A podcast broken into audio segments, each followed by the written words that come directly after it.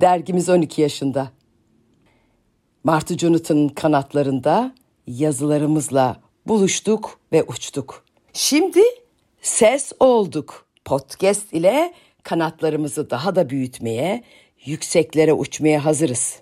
Açın kanatlarınızı, bir yerlerde buluşalım.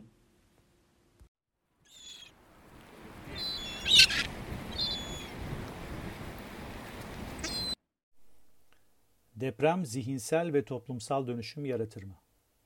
Yazan Anıl Akın 1755 yılının 1 Kasım günü Portekiz'de kıyamet kopar. O zamana kadar Avrupa'nın en güçlü deniz milletlerinden biri olan Portekizliler bugünkü hesaplamalarla 8,5-9 arasında bir depremle yıkılırlar. 1 Kasım günü dindar Portekizliler için önemli bir gündü. O gün Azizler Günü olarak kutlanıyordu. Dindar halkın pek çoğu kiliselerde toplanmıştı ve deprem hepsini yıktı geçti. Sadece kenar mahallelerde kayalık zeminde bulunan batakhaneler, genel evler yıkılmadı. Kiliseler inananlara mezar oldu.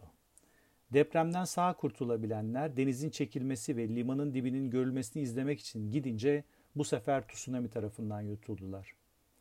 Kilise yaşanan günahlardan dolayı bu felaketin geldiğini söylemeye başlarken bambaşka fikirler uçuşmaya ve dillendirilmeye başlandı.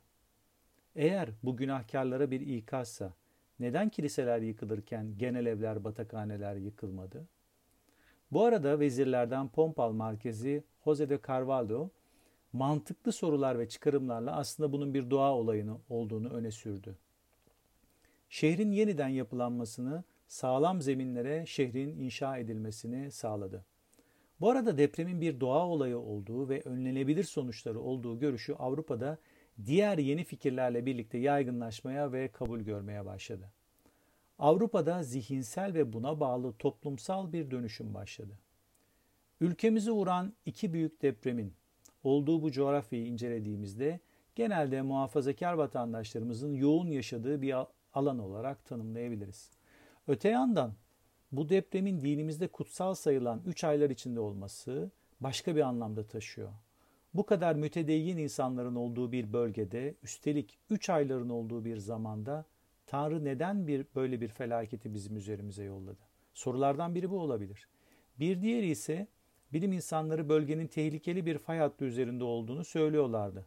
Neden önlem almadık olabilir? Ve üçüncü bir soru, bir daha yaşanmaması için ne yapmak gerekir olabilir? Kim bilir? Belki bu deprem canım ülkemde zihinsel ve toplumsal dönüşümün başlangıcı olur.